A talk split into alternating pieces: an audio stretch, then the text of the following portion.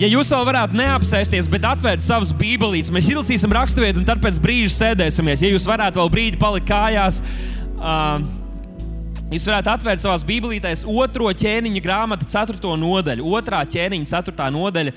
Uh, ir dzirdēts vairākas draudzes, kur tādā veidā tiek um, dots gods arī Dieva vārdam, kad cilvēki to lasa sākumā, kas stāv kājās. Nu, es domāju, nolēmu, pamēģināsim šodien arī mēs tā. Tā tad otrā ķēniņa grāmata, ceturtā nodaļa. Mēs sagaidīsim, tie, kam jums ir elektroniskās bībeles, jūs droši arī tās varat lietot. Otrā ķēniņa, ceturtā nodaļa no pirmā panta, un lasīsiet kopā ar mani. Kāda sieva no praviešu mācekļu sievām kliegdama lūdza Elīsu, sacīdama, mans vīrs, tavs kalps ir miris, un tu zini, ka tavs kalps bijās to kungu. Bet nu nāk parādu piedzinējs un grib manus divus bērnus sev ņemt par vergiem. Un Elīze viņai atbildēja, ko lai es tevis laba daru? Saki man, kas ir tavā namā? Un viņa atbildēja, tavai kalponei nav it nekā namā, kā tikai trauks eļļas. Un šodien es gribu runāt par tēmu it nekā, kā tikai. Ja mēs varētu pielūgt vēl tās, mēs pateicamies Tev un atveram savu sirdi šodien. Tās mēs lūdzam, ka Tu runā uz mums caur savu svēto gāru. Mēs lūdzam, Tēvs, ka šis notikums, kas ir aprakstīts Bībelē, ka tas mums šodien nāk par iedrošinājumu, par pamācību, par cerību, par ticības celšanu, Kungs, lai mēs katrs varētu iet uz priekšu un piepildīt mūsu aicinājumu. Tāpēc mēs atveram savas ausis, garīgās ausis, mēs atveram savas acis un mēs lūdzam, runāt uz mums, lai Tavs vārds šodien dzīves atskan mūsu dzīvēm un maina mūs. Mēs aiziesim citādāk nekā atnācām, un mēs mainamies Tavā līdzībā. Visi draugi teica, teica, Āmen, jūs varat apsēsties. Itin nekā kā tikai. Cik bieži mums sanāk izteikt tādus vārdus, vai vismaz tā nodomāt. Un šādas situācijas man šķiet, ka mums nevienam nav svešas, kad mums itin nekā nav, kā vienīgi kaut kas. Es atceros, kādu reizi mēs ar sievu bijām aizbraukuši nedaudz tālāk, tepat Latvijā tādā kā ceļojumā, un es biju aprēķinājis, ka man izdosies ar šo degvielas daudzumu, kāds ir bākā, vismaz kā man elektronika rādīja, aizbraukt gan vienā virzienā, gan arī atpakaļ. Un tāpēc es biju tā vēs prātā, un man jau degatā, jau izbraucot degatā, nu, gaismiņa, ka kaut kas nav labi, bet es turpināju braukt, jo es visu biju izreiknājis, un man sieva tur sāk šūmēties. Ai, ai, ai, ja nu mēs kaut kur apstāsimies! Bet es zināju, es zināju tieši, cik kilometri ir vienā virzienā, otrā virzienā, un cik man elektronika, eh, tātad mašīnā rāda, cik daudz es varēšu nobraukt. Es biju pārliecības pilns. Domāju, ka jums arī tā ir bijis. Un tad nu, mēs aizbraucām. Tas, starp citu, bija Jonatāna un Sandijas kāzas. Kāda no jums jūs bijāt? Jā, un tad uh, vakarā mēs uh, izbraucām no turienes. Es biju vēl aizvien ļoti mierīgs. Uh, Un, uh, jūs, varbūt jums arī kādreiz tā ir bijis, bet uh, pienāk kāds brīdis, kad, kad tie rādītāji tā straujāk sāk kāpties uz leju nekā tu biji paredzējis. Un man arī tā notika. Mēs braucam, un sieva jau pavisam, nu, saka, hei, pasties, cik tagad rāda. Bet es jau nevaru rādīt, ka tas, ka tas man pārsteidz. Saka, jā, jā, es zinu, bet tur ir vēl papildus, tur ir vēl papildus, viss ir izrēķināts. Un tad mēs braucam, un tur gar jūras pusi braucot, ir tā, ka ir tik daudz mazie tādu zvejnieku ciematiņu, bet nav neviena degvielas uzpildes stācija. Un es taču nebiju par to iedomājies. Un tā nu mēs braucam, braucam, braucam, līdz pēkšņi Mans monitors vairs nerāda neko.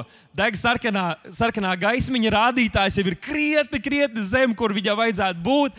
Nerāda neko. Es izslēdzu ko, šo kondicionieri. Izslē... Gaismas nevarēja izslēgt, jo mēs tumšā laikā braucām. Braucu, un es, es vienkārši braucam. Un sieva saka, nu, redz, tev vajadzēja. Mans teicis, nekad tā nedara. Mans teicis, dusmotos. Es saku, nu, tev varēja braukt ar savu tēti. Un tā nu mēs braucam. Tas pie sevis jau sāk lūgt, arī nedaudz mēlēs garā. Degviela pavēros, degviela pavēros, tagad jēzus vārdā, degviela pavēros, pavēros, pavēros, pavēros. Es ticu, tur būs, tur būs, tur būs.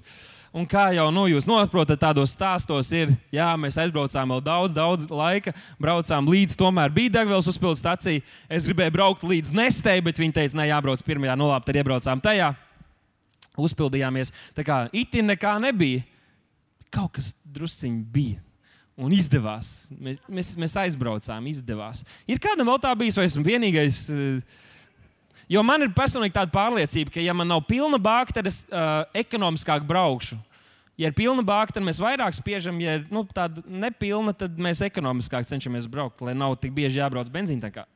Um, nu, vēl kādreiz man bija tāda, tas laikam gan visiem ir bijis, kad es vienreiz atbraucu mājās, sieva vēl nebija mājās. Nu, es atveru leduskapi, un kādreiz man vakaros ir pārņemta tāda sajūta, gribās vienkārši ēst. Ir kādam vēl tā, kādreiz vīri.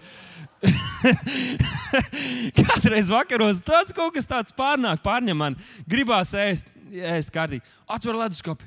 Nekā nav. Pilnīgi nekā. Kaut kāds tur kartupeļs kaut kur pat nebija leduskapī. Vēl kaut kas.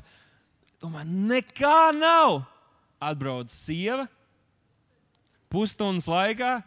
Wow, šī tāda galda, tik gārda ēdienu pagatavoja. It nekā nebija, bet kaut kas bija un notika. Notika brīnums. Bībelē arī ir tam līdzīgi piemēri. Piemēram, kad mēs jau pašā Bībeles sākumā, pirmajā mūža grāmatā, lasām par to, kā Dievs radīja zemi, radīja šo pasauli, šo visumu. Tad ir teikts, ka zeme gan jau bija, bet viņa bija neiztaisīta, tāda nepilna, tur nekā nebija. It ir nekā gandrīz nebija, tikai tāda neiztaisīta zeme. Un tad Dievs sāk ar to darboties un radīja kaut ko tik brīnišķīgu un skaistu, kad mēs skatāmies par stāstu Dāvids un Goliāts. Dāvidam bija jācīnās pret šo lielo milzi kareivi, un viņam itin nekā nebija, tikai linga un Kāda saka, trīs akmeņi, kāda saka, viens akmenis. Es atļaušos teikt, kad Ādamam tika dots uzdevums piepildīt šo zemi, Itin nekā daudz nebija, kā bija daži dzīvnieki un ieva. Man liekas, ka šis būs smieklīgi. Vairāk jau arī nevajag. Vīrietim jau ir viena sieviete grūti galā. Cik daudz vīriešu teiks, amen? Jūs jau tagad neatzīsieties. Jūs tagad neatzīsieties. Mēs lasījām sākumā šo stāstu par Elīsu par Elīsu, kurš bija pravietis. Un es gribu nedaudz, lai mēs ieskatāmies tajā stāstā, kā viņš par pravieti kļuva. Jo pirms viņa pravietis bija kurš? Jums jāpalīdz man. Pravietis pirms viņa bija kurš? Lilita zina atbildi, kāda citi atbalstot, dzird kaut kādas izskaņas uz Elija. Elija, to, par to mēs esam lasījuši, mēs zinām stāstus, ko viņš piedzīvoja. Viņš bija tāds dižens, dižens pravietis. Viņam, viņš piedzīvoja varenus brīnumus savā dzīvē. Mēs zinām, bija tas stāsts par atraitni, kurai, uh, kurai nu, tur jau gandrīz bija gals, un tad Dievs sūtīja pie viņas, jo bija bats, viņai nebija ko ēst. Elija atnāk un saka, nu, pabaro pa priekš man, un tad jau redzēs, gan jau, ka Dievs arī par jums gādās. Un uh, Dievs darīja tā, ka viņai pašai vēl bija iztika ar to mazumiņu, kas viņai bija līdz pat Līdz pat beigām, līdz pat šis bada laiks beidzās, un viņi varēja uh, iekrāt savu šo, šo bagātību un lietas, lai viņi varētu izdzīvot. Bet Elīja bija varants pravietis. Daudzi par viņu runāja, pat Jēzus uz viņu atsaucās. Un Elīze, tad, kad Elija viņu aicināja par savu mācekli. Elīze bija veiksmīgs uzņēmējs. Viņš bija biznesmenis. Viņam bija 12, viņš tur strādāja ar 12 lopiem, viņam bija liels lauks, viņam bija savi kalpi. Bet Elija nāca un viņa aicināja. Un interesanti ir tas, ka tad, kad mēs lasām šo stāstu par Elīzu un Eliju, visdrīzāk iespējams, ka Elīze pat bija vecāks nekā Elija. Uh, un tātad Elīze, šis uh, pravietis, Viņš jau bija kaut ko sasniedzis savā dzīvē, viņš jau bija kaut ko izdarījis, viņš bija veiksmīgs cilvēks. Bet viņa sirdī bija kaut kāda tāda īpaša vēlme. Viņš gribēja kalpot Dievam. Viņš darīja to, ko viņš darīja, bet viņš acīm redzot, mēs varam noprast no tā, ko mēs lasām Bībelē, ka katru dienu ejot uz šo darbu, viņš teica, Dievs, es darīšu to, kas man ir jādara šajā brīdī, bet es lūdzu, es ticu, ka tu pavērsi man durvis, jo es gribu kalpot tev un es gribu būt pravietiska balss šajā laikā un šajā sabiedrībā. Jo mēs redzam, ka tad, kad Dievs uzrunā Eliju un liek viņam izdarīt trīs lietas, no kurām tikai tikai vienu viņš izdarīja, kas bija šī Elīzes aicināšana. Dievs bija tas, kurš izraudzīja Elīzu un nevis Elīju. Kādreiz mums šķita, ka Elīja vienkārši gāja garām, ieraudzīja tādu brašu jaunekli vai vecekli, vecāku vīru. Un, aicināja viņu. Bet, ja mēs lasām nodaļu iepriekš, tad Dievs bija tas, kurš viņu bija pamanījis. Dievs bija tas, kurš bija sadzirdējis un redzēja viņa sirds nopūtas un teica Elijam, ej un izraugi šo vīru kā nākamo pravieti, lai viņš kalpotu man. Viņa sirdī deg šī vēlme, un tāpēc, tad, kad Elīja gāja viņam garām, Uh, un aicināja viņu, Dievs viņu tur bija sūtījis. Un es novilkšu līdzi savu žaketi, jūs varat paskatīties, jo aptuveni tāds izstījās, kad Elīja to izdarīja.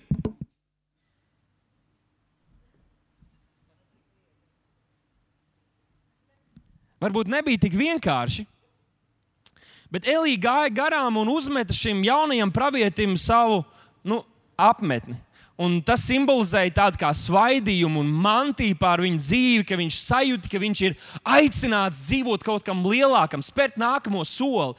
Jo, ja mēs saprotam to vietu, kādā Elīze atradās tajā brīdī, tad mēs saprotam, ka ne, viņam, bija, viņam, bija liels, uh, viņam bija liels uzņēmums, viņam bija kalpi, viņam bija sava lopa un tā tālāk. Un tajā pašā laikā arī Izabela bija tā, kas centās noslepkavot visus dieva praviešus. Tātad, ja viņš izvēlējās sekot, šim pravietim un pats arī kļūt par tādu. Viņš riskēja pazaudēt savu dzīvību, un viņam bija jāatsakās principā no visas savas rocības. Bet, ja mēs lasām to stāstu, viņam nebija ilgi jādomā. Tajā brīdī, kad pravietis viņu aicināja, viņš uzreiz atstāja visu un sekoja viņam un teica, ļauj man tikai pateikt saviem vecākiem, tā, jo es viņus nekad vairs neredzēšu. Tad, kad Elīja viņu aicināja, nekas liels nenotika. Nebija uguņi, kas dega, nekas nesprāga no debesīm. Tas bija vienkārši tāds kā mētelis, vienkārši šāda lieta, kas tika uzmesta viņam uz pleciem, un viņš to uztvēra kā dieva aicinājumu. Viņš bija dzirdējis par Elīju, viņš bija varbūt apbrīnojis to, ko Dievs bija darījis caur Elījas dzīvi. Un tad viņam šī kalpošana kopīgā, un viņš tiek apmācīts kā nākamais pravietis, kas stāsies Elijas vietā. Un tad Elija saprot, ka viņš vairs negrib šeit būt virs zemes, ka viņam ir jādodas tālāk. Un uh, parasti jūs zinat, piemēram, par suņiem saka, tad, kad suņi ir gatavi mirt, tad viņi biežāk aiziet tālāk no saviem saimniekiem. Un kaut ko līdzīgu, laikam, Elija gribēja darīt. Viņš negribēja, lai neviens redz to, kā viņš tiks paņemts augšā pie tēva Un, uh, viņš centās tikt vaļā no šī Elīzes, kas viņam bija uzticama visu laiku sekojas. Jūs droši vien esat la lasījuši to stāstu. Tas ir tik interesanti. Un tad viņš izdomā visādas pasakas, ja baltos melus. Un, ja kāds saka, vai kristieši tā var darīt, acīm redzot, ir kādi konkrēti izņēmumi, kad kaut ko tādu var. Lai gan Elīja arī nav nekāds pilnības piemērs, jo viņš neizdarīja daudz no tām lietām, ko Dievs viņam lika darīt. Un tad viņš saka, nē, man jāiet uz turieni. Elīja saka, nē, nu es arī iešu. Viņš saka, nē, nē, paliec šeit, man ir jāizdara tas un tas. Un tad Elīja saka, nē, nē, nē, bet es, es neatkāpšos no tevis. Un tad, tad šis pravietis viņam saka, ko tu gribi? Ko, ko tu gribi dabūt? Kāpēc tu man visu laiku seko? Bet Elīze, viņam bija kāds mērķis, kāpēc viņš bija sācis sekot. Viņam bija skaidrs redzējums, ko viņš vēlas izdarīt ar savu dzīvi. Viņam Dievs bija runājis lietas viņa dzīvē, un viņš saprata, ka šī ir izdevība un iespēja, kur viņš nedrīkst laist garām. Un, draugi, mums tāpat dzīvē arī ir tādas situācijas un reizes, kad mums vienkārši ir skaidrs, ka mēs nedrīkstam palaist to garām. Un mācītājs pirms kāda laika teica par to, ka tad, kad mēs bijām jauni kristieši un Dieva vārds mūs uzrunāja, mēs uzreiz teicām, es to pieņemu, man ir jāatsauc, nevar palikt vietā. Lūk, tāda attieksme bija arī Elīsam. Viņš teica, nē, nē, nē, nē. nē. Es jau varētu kaut kur atpūsties un ļaut, lai viņš iet, bet es gribu to, kas man pieder. Es gribu to, kas man ir apsolīts. Un ziniet, ko viņš viņam teica? Es gribu to svaidījumu, kas ir tev. Un, ziniet, Elija bija varens pravietis. Varens svaidīts. Viņš saka, es gribu to svaidījumu, kas bija tev, bet es gribu dubultā. Es šodien lūdzu, Dievs, dod mums tādu Elīzes drosmi, dod mums tādu Elīzes drosmi un spēku ne tikai prasīt to, ko mēs jau esam redzējuši, to, ko mēs jau esam dzirdējuši, bet teikt, Dievs, es ticu, ka mēs varam piedzīvot to pašu, bet vēl vairāk. Mēs varam iet uz priekšu. Un tas ir kaut kas, kas ir mūsu draugs DNS. Mēs visi ticam, ka tas, ko Dievs ir izdarījis līdz šim, tas ir labi, un tas vēl atkārtosies un būs, un Dievs to pavairos, bet mēs ticam, ka Dievs darīs kaut ko vairāk. Un vai tu esi šeit, un tu gribi šodien teikt, Dievs, mēs gribam dubultā redzēt to, ko tu esi darījis. To, ko tu izdarīji Limbažos, izdara dubultā to liepājā. To, ko tu izdarīsi liepājā, dari to dubultā šeit, Rīgā, mūsu pilsētā. Tas, ko tu izdarīji pie Olīdas ģimenes, tur tajā sajietā, dari to manā ģimenē, dari to pie maniem bērniem, dubultā. Viņš bija drosmīgs vīrs, viņš bija pārdrosmīgs. Bet ar Dievu mēs tādi varam būt. Dievam patīk, ka viņa bērni grib daudz. Diev, dievam patīk, ka viņa bērni saka, daudz smiesies, daudz teiks, ka tas nav iespējams. Bet es zinu, ka Dievu viss ir iespējams. Šī Elīzes drosme savā ziņā man pārsteidz. Viņš teica, es gribu dubultāt to, kas ir tev. Un tad Elīze saka viņam, tā, tu esi man lūdzu ļoti grūtu lietu. Viņš apzinājās, ka tas, ko viņš pats bija piedzīvojis, jau tā bija ļoti daudz. Viņš saka, bet ja tu būsi man blakus un tu redzēsi to brīdi, kad es tikšu pacelts vētrā, tad tu to saņemsi. Kopš tā brīža Elīze vairs neatgāja no viņa mirkli. Viņš pa nakti nevērciet acis, viņš gulēja šitā. Pa nakti arī viņš varēja tikt pacelts. Viņš zināja, ko viņš gribēja. Viņam bija apsolījums. Vai tev ir dieva apsolījums, vai tev ir dievs kaut ko teicis savā dzīvē, vai tu esi lasījis Bībeli, ka tas vārds atvērās un tu saprati, tas ir man. Kā tu gulpi pa naktīm? Vai tu turies pie tā apsolījuma tā, kā Elīze turējās? Viņš gribēja to saņemt. Un viņš zināja, ka Dievs nebūs tas, kas viņam to atturēs. Viņš zināja, ka viņam ir jābūt aktīvā ticības pozīcijā, lai saņemtu to, ko Dievs viņam grib dot. Uzsvers uz grib dot. Dievam nebija žēl. Dievs gribēja viņu lietot, Dievs pats viņu izredzēja. Bet Elīze bija tas, kurš noteica, kādā mērā Dievs viņu varēs lietot. Un gluži tāpat tie no jums, kas bijāt misijas braucienā vai kas jūs cenšaties savā ikdienā kalpot Dievam, mēs katrs nosakām, cik lielā mērā Dievs varēs darboties caur mums. Pasaka, es tas esmu kas nosaka. Un tad nu pienāk tas brīdis, kad Elīze un Elīja ir ceļā, un tad pēkšņi nonāk šie ugunīgie rati ar zirgiem. Viņus atdala, un Elīja tiek pacelts augstu debesīs, un Elīze skatās uz viņu. Un viņš vienkārši neskatījās, viņš sauc, es redzu, es redzu, kas te notiek. Tas, ko tu teici, tas tagad piepildās. Es redzu, ir ugunīgi zirgi, ir jātnieki. Es redzu, ka tas piepildās. Es esmu šeit, apsolījumam ir jānotiek. Bet ziniet ko? Dubultā svaidījums. Varēja cerēt, ka viņš vismaz jutīs, ka kā Simpsonam pārdabisks spēks nonāk pār viņu. Uguns, uguns virs viņa galvas parādās. Kaut kas fantastisks notiek. Mēs visi tā gribētu. Tad mēs tiešām justu, ka mēs esam patiešām svaidīti. O, tagad ir aizlūgšana. Bum! Nevis tu nokrīt, tu pārlido tur pāri un apsēdies tur mierīgi, tur aizmugurē. Vai tu tiec pacelts divu metru augstumā, visi redz, tu griezies un tev gaismas, tev parādās šis vainagdziņš uz galvas. Nevis Jāņa vainags, bet bibliskais vainags. Tad mēs teiktu, wow, tagad es esmu svaidīts, tagad Dievs man ir izredzējis. Pilnīgi nekas nenotika. Dubultīgs svaidījums, nekas nenotika. Viņš saka, es redzēju, tas notika. Viss, viss ir piepildīts, izdarīja savu daļu. Nekas nenotika. Elīja pazūd, ugunīgi rati pazūd. Paliek, viņš paliek viens pats. Viņam nekā nav. Viņš paskatās, ko viņš ieraudzīja. Viņš ieraudzīja to pašu apmetnīti. To pašu vienkārši apmetīt. Viņš bija daudzkārt to turējis. Droši vien, kad bija karsts celī, viņam iedeva, viņš turēja līdzīgi kā mums kalpotāji to dara mācītājiem. Ar to pašu mētelīti, kas viņam jau vienreiz tika uzmests virsū, kad viņš tika aicināts, bet viņš nav piedzīvojis neko pārdabisku vēl savā dzīvē. Viņš redz, ka tas mētelītis tur mētājas uz zemes. Tas pats mētelītis, it nekā nav, viņš neko nesajūt. Ir tikai tas, tas mētelītis. Un ko viņš dara? Viņš paņem to, kas viņam ir Viņš paņem to vienīgo, ko Dievs viņam atstāja no tās sastapšanās. Nu, viņš neaizgāja prom, teikt, nu, viņš man apsolīja, 20 gadus viņam sekoja, bet nu, nebija, nebija. Nu, varbūt ka kaut kas sanāks dzīvē. Nē, viņš zināja, ka Dievs nav tāds. Ja Dievs to ir apsolījis, Dievs to viņam dos. Viņam nav nekā cita, viņam nav pat telijas kurpes, kas droši vien bija ļoti stilīgas. Viņam bija tikai šis vienkāršais mētlītis. Viņš paņēma to mētlīti, viņš viņu saloka, un mēs lasām otrajā nodaļā, otrā ķēniņa grāmatā, otrā nodaļa, 14. pants. Viņš ņēma Elijas apmetni, kas tam bija nokritis, un sita ūdeni un sacīja, kur ir tas kungs, Elijas dievs. Un viņš sita ūdeni, un tas pašķīrās uz abām pusēm, un Elīza pārgāja pāri. Ko mēs darām? kad nenotiek tas, ko Dievs mums ir apsolījis uzreiz tajā brīdī. Ko mēs darām, kad paiet garām konferences dievkalpojums, un mēs uzreiz nesajūtam pārmaiņas savā dzīvē? Elīze teica, nē, es saņemšu to, kas ir mans. Mazi bērni, viņiem tas ļoti raksturīgi ir. Viņi ir mans, mans, un viņi viens otram ņem nost.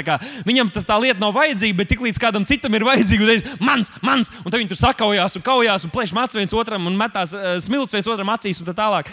Es nezinu, varbūt jūsu ģimenē tā nav, bet nu, mums tas tā notiek. es paņemšu to, kas ir mans, un viņš to izdarīja. Viņš to izdarīja. Viņš vienkārši sauca un teica, Dievs, kur ir tas Dievs? Es vēl nepazīstu tādā veidā, kā Elīja pazina, bet kur tu esi? Man tas ir apsolīts. Es gribu to, es gribu to piedzīvot. Ziniet, ko viņš darīja? Viņš darīja to pēdējo lietu, ko viņš bija redzējis. Ja nodaļa iepriekš mēs redzam, ka tad, kad viņi ar Elīsu ar Elīju gāja uz šo vietu, Tad Elība izdarīs tieši to pašu. Viņš paņēma šo apmetni un sašķēla šo Jordānas jūru. Viņa izgāja sausām kājām. Un tāpēc, ka tad, kad viņš ieraudzīja šo apmetni, viņam nebija nekā daudz. Viņš darīja to vienīgo, ko viņš bija, ja pēdējo, ko viņš bija redzējis, ko Elīja dara. Viņš saka, Dievs, tā kā tikko tu lietoji Elīju, lieto man Dievs, lieto man Dievs, lieto man Dievs, lieto man Dievs, lieto man Dievs, lieto man Dievs. Cik bieži mēs dzirdam liecības par to, kā Dievs lieto citus cilvēkus. Cik bieži mēs redzam, kā Dievs lieto līderus, kalpotājus, daudzus mūsu vidū. Lai mūsos rodas šī vēlme, gluži kā Elīsam, Dievs, lieto mani. Lieto mani tāpat, lieto mani tāpat, savā īpašā veidā, bet lieto mani Dievs. Es gribu būt tevis lietots, es gribu tikt tevis lietots. Un šeit pat vēlāk šajā stāstā mēs uh, atgriežamies 4. nodaļā, kur Elīze jau tagad ir šis pravietis. Un pie viņa vēršas šī, šī sieva.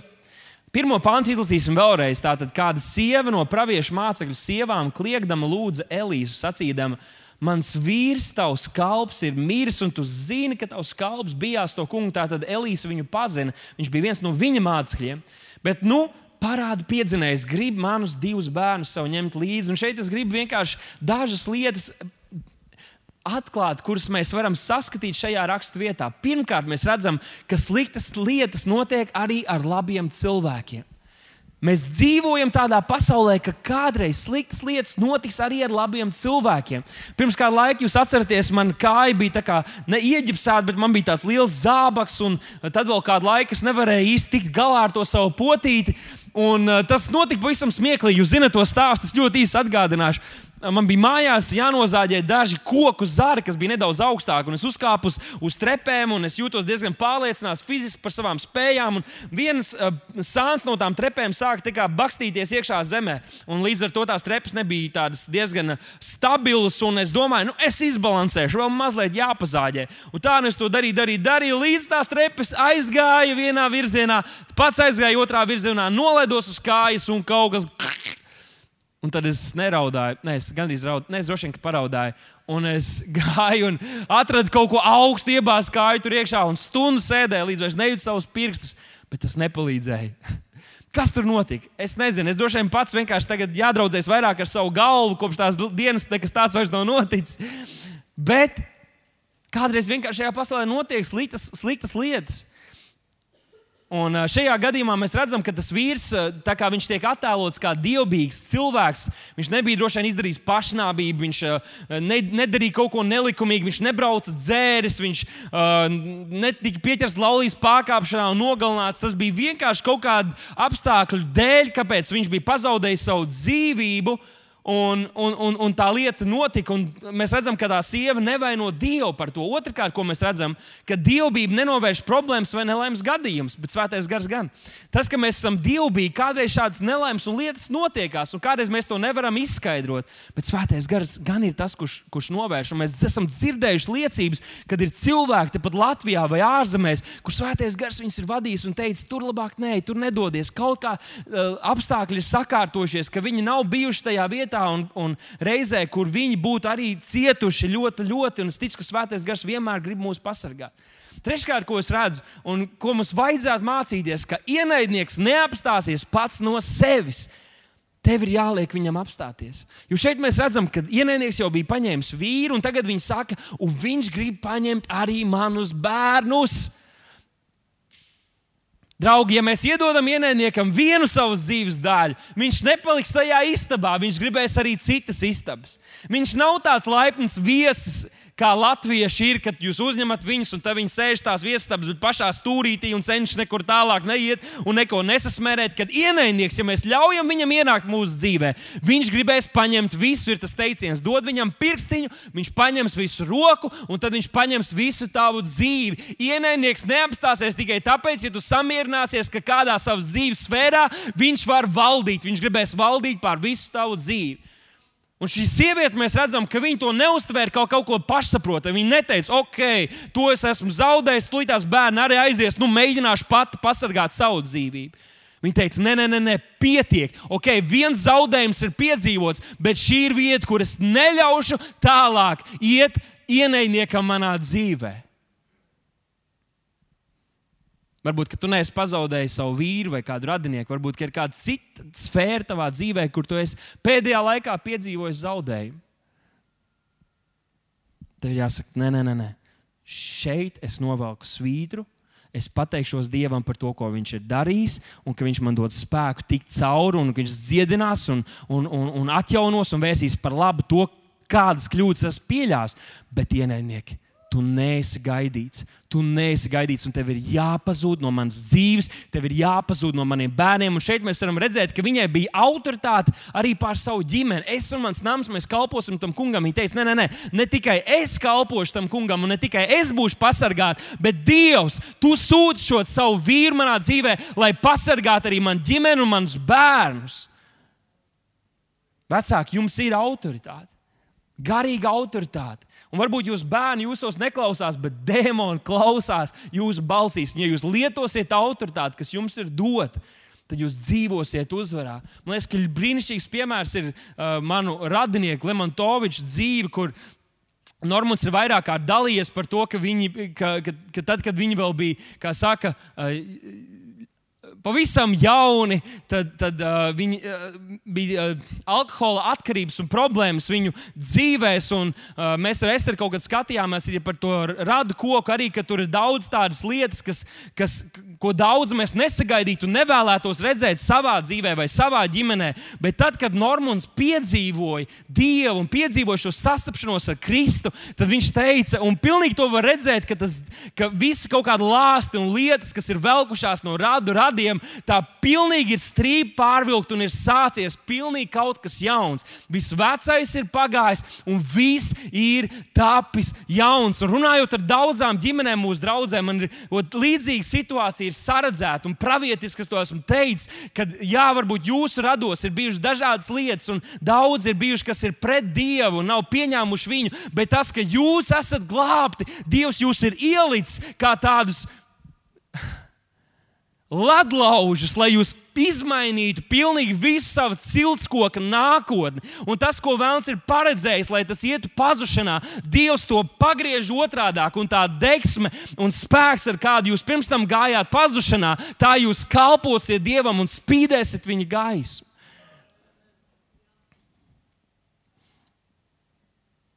Un ko mēs vēl varam mācīties no šīs sievietes? Ka viņa neizteica dievam pārmetumus.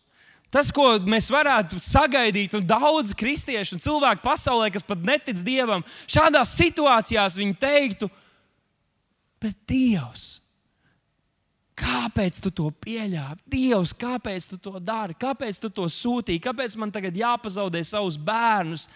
Bet viņi nesamierinājās ar to. Viņi zināja, ka Dievam ir risinājums. Un ļauj man te pateikt šodien, ka vienalga un neatkarīgi no tā, kā izskatās tava Eģipte, Dievam ir izēja.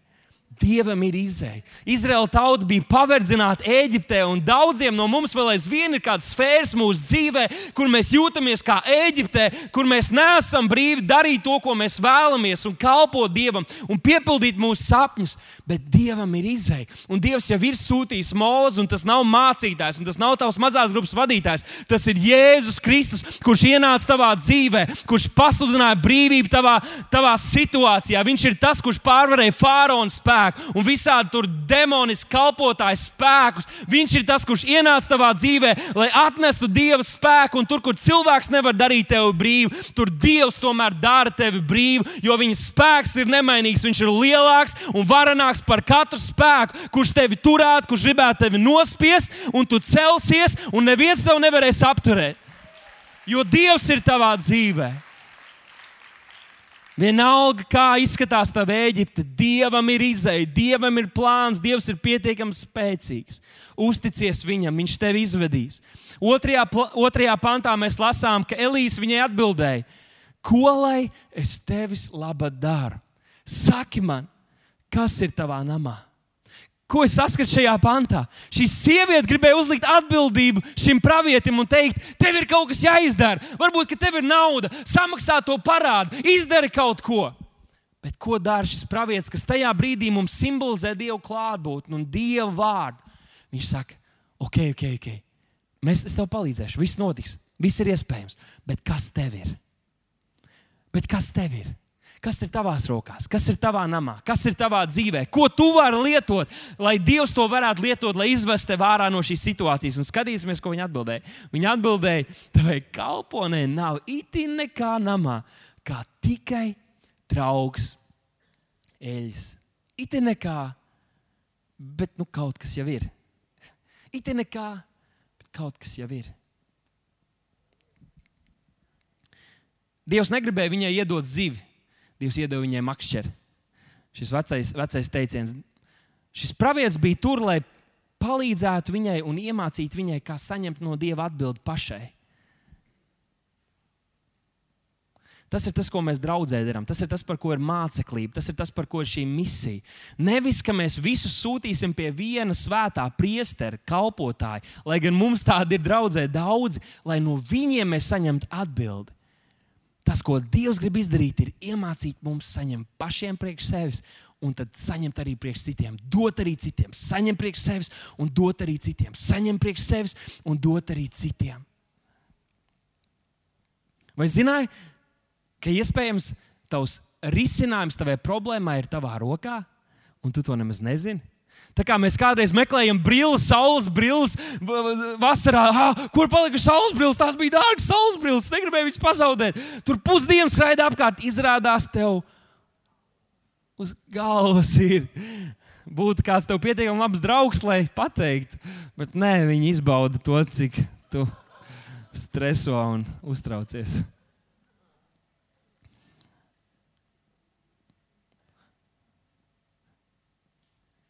Es domāju, ka lielākajā daļā gadījumu mūsu atbildi mums nav jāmeklē un jāsauc uz Dievu. Dievs savu daļu ir izdarījis. Dievs saka, kas ir tavā rokā? Un viņš saka, es gribu lietot to, kas tev ir, lai ievestu tevi tajā, ko tu vēlies, vai kas tev ir vajadzīgs. Jautājums ir, kas tev ir? Kas ir tavā namā?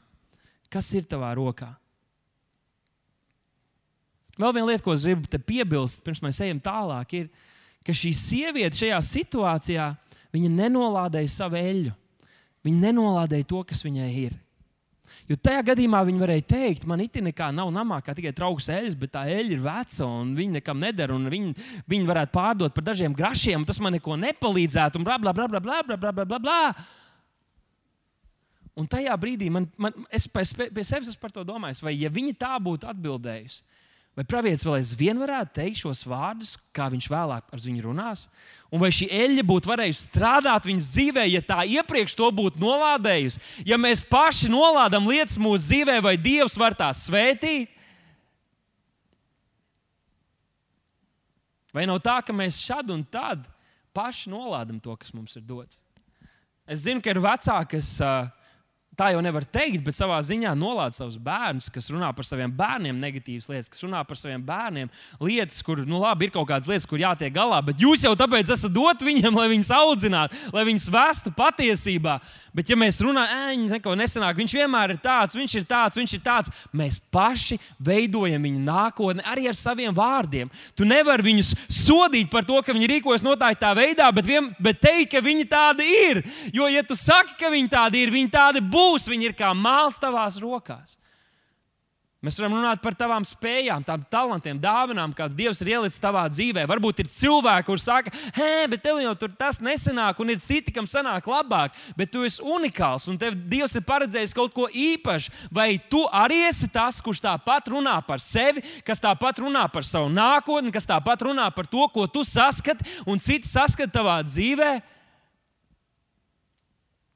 Runāt par savu uzņēmumu, vari runāt par savu karjeru, par attiecībām ar savu sievu vai par savu sievu, par savu draugu, par savu valsti.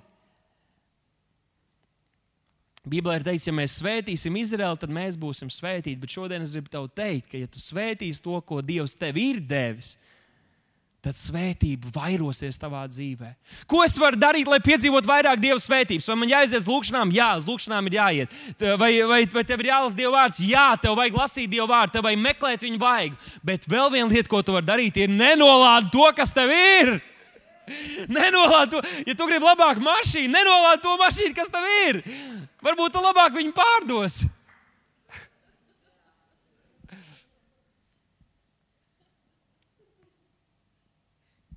Interesanti, ka eļļa ir dieva gara simbols. Dieva gara simbols. Un viņi saka, man nav nekā, man tikai trauks eļļas. Kādreiz mēs esam tādā situācijā dzīvē, kad mums nav nekā, mums nav spēka, mums nav zināšanas, mums nav resursi. Bet mums ir svētais gars. Mums ir svētais gars. Dieva spēks mūsos, Dieva gudrība mūsos, Dieva miers mūsos, Dieva zināšanas, Dieva vadība mūsos, visi Dieva resursi mūsos. Dzirdi, pat tad, kad tev nav itin nekā, tev ir visdārgākā eļļa. Visdārgākā eļļa. Tev ir, saka, man ir. Es esmu piepildīts ar svēto garu. Mateja Vāģelī 25. nodaļā, 29. pantā, interesanti, ka Jēzus arī runā līdzīgos, līdzīgos vārdos. Viņš saka, jo ikvienam, kam ir, tiks dots, un tam būs pārpilnība. Bet no tā, kam nav, atņems to, kas tam ir. Jūs esat kādreiz domājuši par šo raksturvietu? Ja tev nav, ko tev var atņemt? Viņš runāja par talantiem. Viņš runāja par talantiem. Katram tika izdalīti. Vienam bija pieci, vienam četri, trīs, divi, kādam viens. Jautājums ir, ko mēs ar tiem talantiem darījām? Tas saimnieks bija sagaidījis, ka katrs no šiem kalpiem tos talantus, ko Dievs viņam ir devis, lietos, lai tos pavairot. Lietos, lai tajā dienā, kad šis saimnieks atgriezīsies, lai tu varētu teikt, ok, man bija tikai viens, daudziem bija pieci, pasties, ko viņi sadarījuši, bet man bija tikai viens. Lūk, es esmu, lūk, es esmu tos pavairojis, lūk, es esmu ar tiem izdarījis. Ja tev ir iedota sēkla, un mums katram dzīvē ir tev sēkla, tev ir daudz sēklas, un es nerunāju par to sēklu. Es, runā, es nerunāju tikai par finansēm, es runāju par dažādu veidu sēklām, ko Dievs tev ir devis savā dzīvē. Ko mēs ar tām darām? Vai mēs tās lietojam, vai mēs tās audzinām, vai mēs tās pavairojam? Jo kādu dienu Dievs atgriezīsies mūsu dzīvē, mēs stāvēsim viņa troņa priekšā. Viņš teiks, ok, tev nebija varbūt daudz salīdzinājumu ar kādiem, tev šķiet, bet ko tu darīji? Mums visiem ir kaut kas, un tas ir tas, ko Jēzus šajā raksturvietā centās pateikt. Visiem kaut kas tika iedots. Neviens nav apdalīts. Neviens nav apdalīts. Vai tu sēdi pašā tālākajā stūrī tur? Tu neesi apdalīts. Tu neesi apdalīts. Mums katram kaut kas ir iedots. Mums katram ir kaut kas jādara, mums katram ir kaut kas uzticēts, bet tā tendence mums ir skatīties to, kas mums nav. Un bieži tas, kas mums nav, apēno vai aizēno to, kas mums ir. Lieto to, kas tev ir. Mēs atgriežamies otrā ķēniņa, 4. nodaļā, 3. pantā. Viņš saka, ej un aizņemies savu trauks no citiem, no saviem kaimiņiem. Paklausieties, labi, ka mums ir labas attiecības ar kaimiņiem. Viņš varēja pienākt pie viņas, jo viņš zināja, ka viņa ir dievbijīgi dzīvojusi, viņai labas attiecības ar kaimiņiem, kuri viņai aizdo šīs lietas. Bet viņš saka, bet tikai tukšus traukus. Un tagad, un nelūdz, lasam kopā, un nelūdz to par mazu. Viņš varēja teikt, aizej un paņem divus traukus, tas jau būtu daudz. Prasīt kaimiņam divus traukus, kurš jums dos, iedod varbūt sērkociņu kastīti, kādu vienu trauciņu, divus traukus. Viņš saka, tikai uzmanies, ka nepaņem par maz. Nepaņem par maz. Viņš centās atvērt viņas domāšanu, atvērt viņas saprāšanu, lai pretēji tam, kā mēs cilvēcīgi domājam, varbūt mēs kā latvieši kādreiz arī esam kaut kādā noteiktā kastītē, vismaz tā par mums runā. Mēs uzvedamies tā, mēs domājam tā, mēs ticam tā, mēs sagaidām kaut ko tādu, mēs zinām savas robežas un Dievs. Un kādu laiku jau Dievs draudzē runāja šo vārdu, ka mums ir jātic, jāļauj, lai Dieva vārds paplašina arī mūsu saprāšanu, mūsu domāšanu, mūsu skatījumu. Un to šeit šis pravietis centās darīt šīs sievietes šīs sievietes dzīvē. Mēs kādreiz izdarām, mi, izdarām minimumu, mēs saņemam minimumu, bet Dievs grib dot bagātīgi. Kādreiz bērnībā bija tā, ka, ja te lika kaut ko darīt, tad tu gribēji izdarīt kā, nu, tieši tik, cik lika, varbūt nu, tā uz robežas, bet vispārējo aizmirst par to. Tas nav Dieva valstības princips, tas nav tas, kā Dievs sagaida, ka mēs dzīvosim. Ja es teicu, ja tev prasa to, tad iedod vēl kaut ko. Ja tev saka, noej tik tālu, tad ej vēl papildus jūdzi. Mēs, kristieši, esam tie, kas mēs esam gatavi darīt vairāk, jo mēs zinām, jo vairāk mēs kalposim, jo vairāk mēs sēsim, jo vairāk tas svētīs citus un vairāk atgriezīsies mūsu dzīvē. Mēs ticam, sējas un pļaujas likumam. Jēzus tik stipri stāvējuši likumam, viņš teica, ka kamēr šī visa pasaule, viss te notiekās, kamēr jūs redzat, saule uzlec, tamēr arī šis sējas un pļaujas likums pastāvēs, tas darbosies. Tas, ko tu sēji, ir tas, ko tu pļaus. Jo vairāk tu sēji, jo vairāk tu pļaus, jo sīkstāk tu sēji, jo sīkstāk tu pļaus, mums gribās pļaut kārtīgi sēsim no sirds. Ja mēs sēsim no sirds, mēs pļausim bagātīgi un pārpilnībā, kā Dievs to ir paredzējis. Ceturtais pants, un, tie, un tad viņš saka, un ieej namā, aizslēdz durvis aiz sevis un aiz abiem saviem dēliem. Viņš iekļāva ģimeni un sāc lietu visos tajos traukos, un to, kas ir pilns, lietas pie malas. Viņš iedeva viņai attēlu. Pirms vēl tas bija noticis, viņš iedeva viņai attēlu. Tā tad būs šie trauki, un tie pildīsies ar eļļu. Tajā brīdī viņa nesaprata, no kurienes tā eļļa un kā tas viss notiks. Tas izklausījās smieklīgi, bet viņai bija attēls. Tā tas izskatīsies, tā tas notiks, tā tas notiks. Un es zinu, ka tik daudziem no mums ir šis attēls par mūsu rītdienu, ir šis attēls par mūsu valsts, par atmodu, par dievu darbu. Un ziniet, man šķiet, ka mums aizvien vairāk ir jāiedegās par dievu darbu, par māceklību, par misiju, par to, kā mēs varam mīlēt savus līdzcilvēkus un varbūt mazāk par mūsu uzņēmumiem un mūsu karjeru. Un viss to tas viss ir pājoši. Un, un, un uh, tas ir kaut kas, par ko Dievs gādās. Bet jo vairāk mums jādomā un jāsapņo par to, jāredz, wow, kā tas izskatīsies, kad mana ģimene atgriezīsies. Es varu uztaisīt pasākumu, bet man ir jābūt sapnim, man ir jābūt šim redzējumam. Kā Mārtiņš Luters teica, I have a dream par šo brīnišķīgo Ameriku. Tāpat mums katram ir jābūt sapnim par mūsu rītdienu, par mūsu pasauli, ko Dievs var izdarīt mūsu dzīvēm. Un ja pat tas nekad nenotiktu, mēs turpināsim ticēt Dievam, mēs turpināsim ticēt, ka tas pat, kas nenotiks šodien, var notikt nākamajā paudzē. Un tas ir tas, ko mēs piedzīvojam piedzīvojam. Iepriekšējās paudzes ticēja Dievam par atmodu, par brīvu Latviju. Paši to nepiedzīvoja. Daudz deva savas dzīvības. Mēs tajā dzīvojam. Vai tev ir sapnis, ko nodot saviem bērniem? Vai tev ir sapnis, ko nodot mūsu tautai, mūsu līdzcilvēkiem? Sapnis par skaistu Latviju, sapnis par glābtu tautu, sapnis par izmainītām dzīvēm. Mums ir tāds sapnis. Mums ir tāds sapnis, draugi. Otrā Timoteja vēstule, otrā nodaļa, 20. pants ir teikts, Lielā namā ir ne tik viens zelta un sudraba trauki, bet arī koka un māla un citi godam, bet citi negodam. Un šodien es gribu šo stāstu par šiem traukiem ievirzīt tajā, ka šie trauki ir cilvēki. Ka šie trauki ir cilvēki. Un tas, kā Dievs uzrunāja man,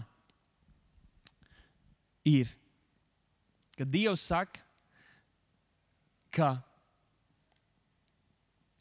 kamēr mēs dosim, kamēr mēs kalposim un dosim no tā, ko Dievs izdara mūsos, ko Dievs ieliek mūsos, tā eļļa nebeigsies.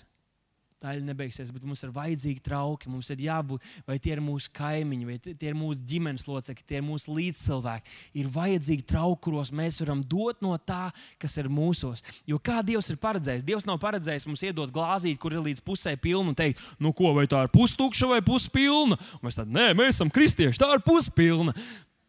Mēs runājam ticībā. Nē, Dievs ir Dievs, kurš saka, es gribu jūs piepildīt tā, ka pāri plūst. Jūs nekad nebūsiet tukši, bet no tā, kas pāri plūst, tam ir jābūt kaut kur, kur tas var aiztecēt. Tas nevar tucēt, aiztecēt dubļos, tas nevar aiztecēt tukšumā un nebūtībā, vienkārši kaut kur izšķērdēties. Nē, tam, ko Dievs lej pāri, tam ir jāielīst traukos, tukšos traukos, kur cilvēki, kas meklē Dievu, cilvēki, kuriem ir jāpiedzīvo Viņš, cilvēki, kur ir samaitāti un tukši un, un, un, un, un, un, un ar visādām pasaulīgām lietām, kur šī dieva mīlestība var ienākt viņos. Un Dievs saka, ja tu dosi no tā, kas ir tevī, ja tu dosi no tā, kas ir tavā sirdī, es turpināšu tevi piepildīt, un tā eļļa nebeigsies. Un tas ir fenomens, kas ir šis svētais gars, šis dzīvais ūdens, jo tas nekad nebeidzās. Un tas ir, ir teikts, ka tas izriet no mūsu iekšām, no mūsu iekšējās būtības, bet tas ir no dieva pilnības. Tas izriet, un jo vairāk mēs dosim, tas nekad neapstāsies stāsies. Tu vari dziedināt, cik tu gribi cilvēks. Tev nekad nebeigsies dziedināšana pašam, un tev nebeigsies dziedināšana, ko dot. Tu vari nest cerību un prieku cilvēkiem, saviem līdzcilvēkiem. Tev nebeigsies prieks pašam, un tev nebeigsies prieks, ko cilvēkiem dot. Amen.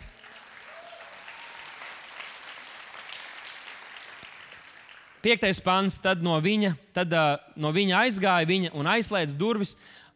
Ah, tā, Tad tā no viņa aizgāja un aizslēdza durvis aiz sevis un aiz saviem dēliem.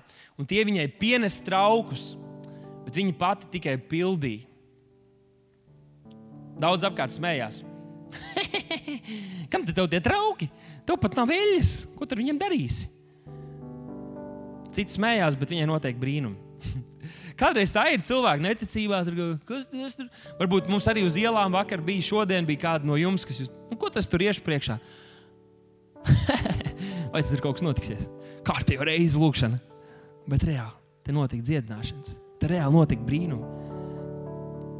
Citi smiesies, citi kaut ko teiks, tu piedzīvos brīnums. Dievs grib darīt brīnumus caur tavām rokām, un Dievs dara brīnumus. Mēs to esam redzējuši. Mēs tikko to redzējām, mēs tik, tikko to redzējām, mēs rīt to redzēsim. Šajā nedēļā Dievs grib tevi lietot. Tev nav jāgaida misijas brauciens uz Liepāju. Dievs tevi grib lietot šajā nedēļā, šajā laikā, dažādos veidos, dažādās vietās. Dievs svaidījums ir pār tevi. Tā mantija ir pār tevi. Un tā mantija ir tāda, kas nekad būs neatstās. Nekad. Tā ir pār tevi. Negaidi nekādas jaunas, lielas, milzīgas lietas. Lieto to, kas tev ir. To, ko tu spēj, to, ko tu vari, dari to. Lorants pirmo reizi izgāja ielās un paskatījās, viņu neviens neatraidīja. Un viņš piedzīvoja reāls brīnums, kā Dievs varēja lietot viņu. Vai tas nav brīnišķīgi? Sastais pāns, tas ir noslēdzošais pāns, un kad trauki bija pielieti, pilni, tad tā sacīja saviem dēliem: Klausieties, pasniedz man vēl vienu trauku Bet tas viņai atbildēja: vairāk nav trauka neviena. Ziniet, ko? Viņa nožēloja, ka viņa neaizgāja vēl pie tālākiem kaimiņiem. Viņa nožēloja, ka viņa neaizgāja vēl. Viņa zināja, viņa redzēja, viņa bija gājusi garām. Tur nākamajā rajonā, tur bija vienos, vienā logā bija tāda bludiņa, kur būtu varējusi ieliet. Jo tajā brīdī, kad beidzās, beidzās. Es negribu biedēt, bet kādu dienu beigsies tā eļļa beigsies, mūsu dzīve tik, tik mums ir dot, nu, kā diena tā beigsies. Dzīvosim tā, lai mums nav žēl, lai mums nav jādzird šādi vārdi. Nav neviena trauka, un tad ir rakstīts, tad eļļa apstājās plūst. Redziet, problēma nebija dieva risinājumā. Problēma nebija dievā. Dievs varēja dot viņai vēl vairāk. Viņa varēja sarunāt ar kaimiņiem. Jums ir baseins, varbūt izlaiet to baseinu ārā, lai viss vis ūdens ir ārā, un mēs nāksim ar to eļļu un liesim to eļļu, un jūs arī būsiet bagāti un svētīti. Viņi varēja vēl un vēl un vēl sarunāt. Problēma nebija dievā, eļļai nebija iztrūkums. Netrūks Dieva spēka, bet cilvēki, kuri to var nest un tajā staigāt. Trauku, trauku trūkums ir tas, kurš ierobežo Dievu un to, ko Dievs var izdarīt caur mums. Pēc varbūt tev itin nekā nav, bet tev ir kaut kas. Varbūt tas ir tikai apmetnis, vecs, vecs, sens apmetnis, kurš tev liekas, ka neko jaunu tev nevar dot. Varbūt tās ir piecas maijas un divas zivis. Varbūt tas ir kaut kāds mazumiņš, un Dievs šodien saka, lieto to. Vienkārši lieto to. Ja mēs varētu piecelties kājās.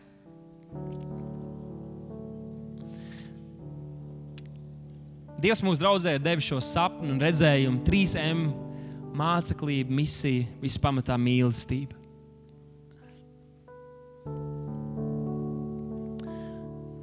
Un es ticu, ka Dievs ilgojas gan manā dzīvē, gan katrā no mums, lai mēs kāptu ārā, mēs turpinātu kāpt ārā no tā komforta, kur mēs esam. Un mēs atrastu jaunus veidus, kā atrast jaunus traukus un kā tos piepildīt, un pildīt, un pildīt, un piedzīvot. Jo tieši tā kā Lorants teica, man liekas, ka tas katram ir pazīstams kristietim, ka tad, kad tu, tu, tu izjūti, tas vai nu kalpošanā šeit draudzē, vai ārpusē, ka tu vari kādam pasludināt evaņģēlī, ka tu vari aizlūgt par kādu, tu esi tik ļoti piepildīts tajā brīdī. Un tas ir brīnišķīgs veids, kā sadot vēlnam pa pakaļ. Starp citu.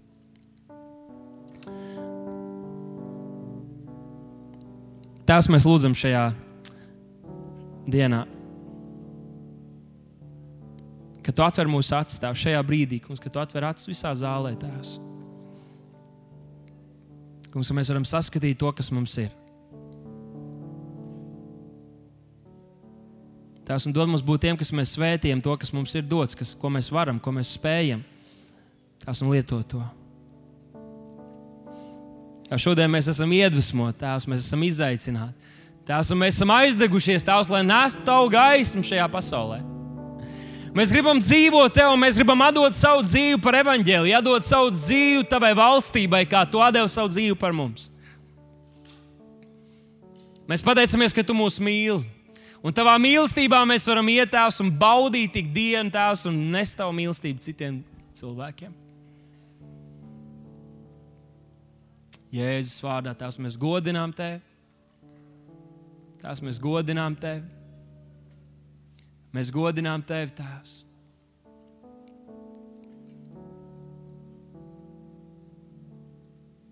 Halleluja! Halleluja! Tās paldies, Tev, kungs. Es ticu, ka šajā brīdī ir daudz no jums, kam svētais gars ir atgādinājis kaut kādas lietas, kas jums ir. Un jūs nevarat sagaidīt, skriet un ķerties pie tiem arkliem. Tāpēc es saku, Dievs mūs sūta, un Dievs sūta arī tevi šodien. Es pateicos par to, kas tev ir, un lieto to Jēzus vārdā. Amen. Amen. Es esmu svētīgi, draugs.